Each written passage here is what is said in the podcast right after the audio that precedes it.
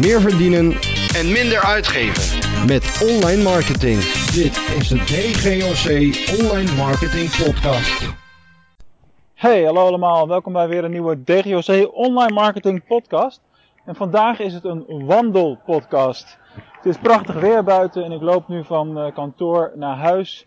Eh, prima gelegenheid om eh, een podcastje op te nemen, zo, eh, zo tussendoor in de hè, niet effectieve minuten of hoe je, dat ook, eh, hoe je dat ook noemen wil. Dus mocht je af en toe een auto voorbij horen komen, mocht je een klein beetje wind in het geluid horen, ja, dat kan kloppen, want ik loop buiten. Eh, een aantal interessante dagen achter de rug. Ehm, ik wil vandaag vooral even stilstaan bij eh, online marketing in de horeca.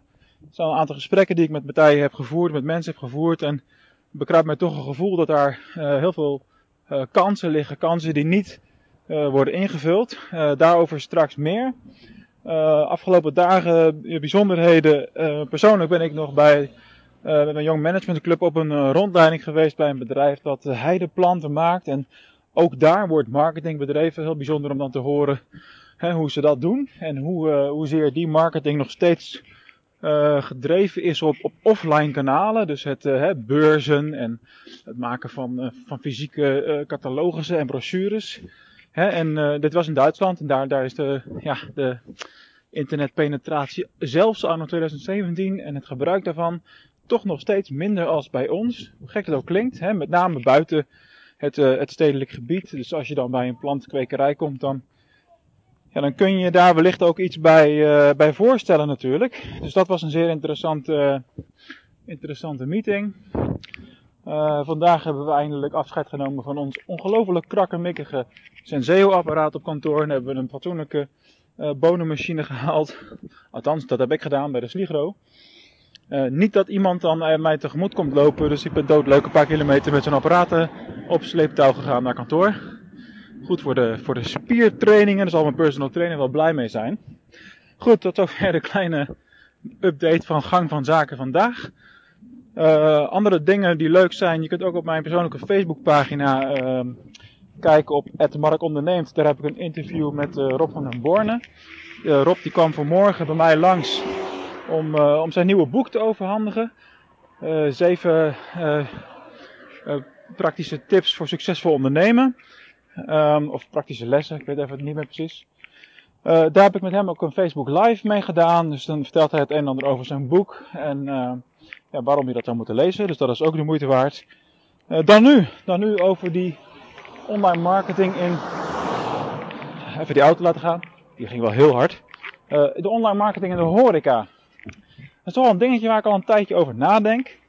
En uh, iets wat me opgevallen is, eigenlijk al anderhalf, twee jaar, dat aan de gang is dat ik er mee bezig ben, in mijn hoofd althans. Maar ik denk dat er nu concreet wat stappen gezet moeten gaan, gaan worden. Nou, wat is er aan de hand?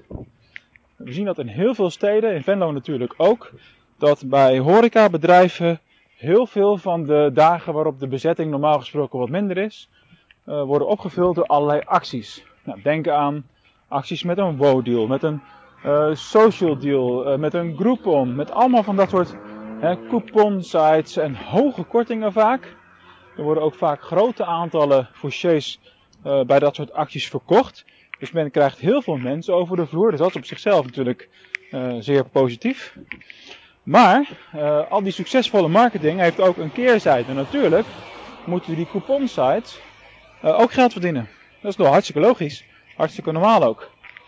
Dus daar zit ook niet echt uh, het probleem. Het probleem zit meer bij welk type mensen uh, trek je in jouw restaurant aan op het moment dat je veel met dat soort uh, acties en, en, coupons en dergelijke werkt. We hebben uit ja, diverse gesprekken met verschillende horeca, restauranteigenaren, noem het dan maar op. komt toch wat telkens naar voren dat heel veel van die mensen één keer komen. niet veel drinken, ook nog, want dat is natuurlijk een extra verdienste op zo'n moment en zich daarna niet meer laten zien. Dat zijn eigenlijk mensen die continu zulke bonnen kopen. En dan zien ze wel waar ze kunnen gaan eten voor een, ja, voor een prikkie, om het zo maar te zeggen. Op lange termijn is dat natuurlijk niet het publiek wat je, wat je wil. Dus ik denk dat het, uh, dat het tijd is voor een, uh, voor een tegenbeweging. Namelijk een beweging waarbij de marketing efforts meer worden toegewezen aan de, ja, aan de partij zelf. Dus dat je eigenlijk meer zelf aan de slag gaat Um, met het branden van jouw merk, jouw restaurant, jouw menu, jouw acties, noem het maar op. Nou, dan denk ik natuurlijk aan Facebook marketing. Maar je kunt heel goed alsnog hele leuke, interessante uh, prijsacties doen. Dat is helemaal geen, uh, geen probleem. Maar op het moment dat jij een vergelijkbare korting gaat geven en je doet dat rechtstreeks, dan hoef je natuurlijk geen vergoeding meer af te staan aan, aan de couponsites. Kortom, je kunt relaties gaan opbouwen met de, de mensen die op die acties ingaan via Facebook, met het verzamelen van namen en e-mailadressen. Als je dat een tijdje aan het doen bent, dan zul je zien dat je ook steeds minder geld kwijt bent om uh, steeds meer mensen te bereiken, waardoor het ook in het geheel uh, effectiever wordt. Nou, en dan kun je natuurlijk ook allerlei dingen omheen gaan doen. Hè, dus je kunt uh, je het verhaal van je, van je restaurant veel beter vertellen aan een steeds groter wordende groep en, en noem het allemaal op. Dus als je zelf als horeca-zaak-eigenaar nou als het heft in eigen hand neemt en je gaat al die marketingcenten is, niet zoveel steken in die couponsites, maar al reserveer je maar de helft ervan. Of doe je in plaats van vier acties in het jaar, uh, doe je er twee of één. Zodat je in ieder geval die continuïteit in je bezoekersstroom sowieso hebt. Uh, maar uh, investeer dus juist wat meer in directe online marketing. Want dat is toch wel heel vaak wat eraan ontbreekt. In het bijzonder bij de partijen die van dat soort acties gebruik maken. Natuurlijk wil ik ze niet allemaal over één kam scheren. Maar goed, dit is een trend die we gesignaleerd hebben. En dit is ook wel echt, ja, vanuit online marketing perspectief als bureau voor ons is dat natuurlijk een kans. Hè? Want dan ga je met dat soort partijen uh, wat vaker in gesprek. En dan kijk je of je daar wat voor ze kan betekenen, natuurlijk. Uh, maar het is toch vooral ook voor de horecazaak-eigenaar echt wel eigen belang. Uh, om daar wat actiever mee aan de slag te gaan. om je eigen verhaal te vertellen op die verschillende sociale kanalen en op de eigen website. Zodat je uiteindelijk gewoon op een continue basis uh, meer mensen bereikt en ook wat meer uh, kwaliteit hè, naar binnen haalt. Dus mensen die, die vaker terugkomen en die wellicht ook wat meer, uh, meer uitgeven. Dus minder afhankelijkheid creëren van derde partijen. Het zelf doen, je eigen merkverhaal gaan vertellen. dat is gewoon wat meer toekomstbestendig. Dat is mijn visie daarop althans. En ja, dat is eigenlijk even de hoofdmoot voor de kleine podcast voor vandaag.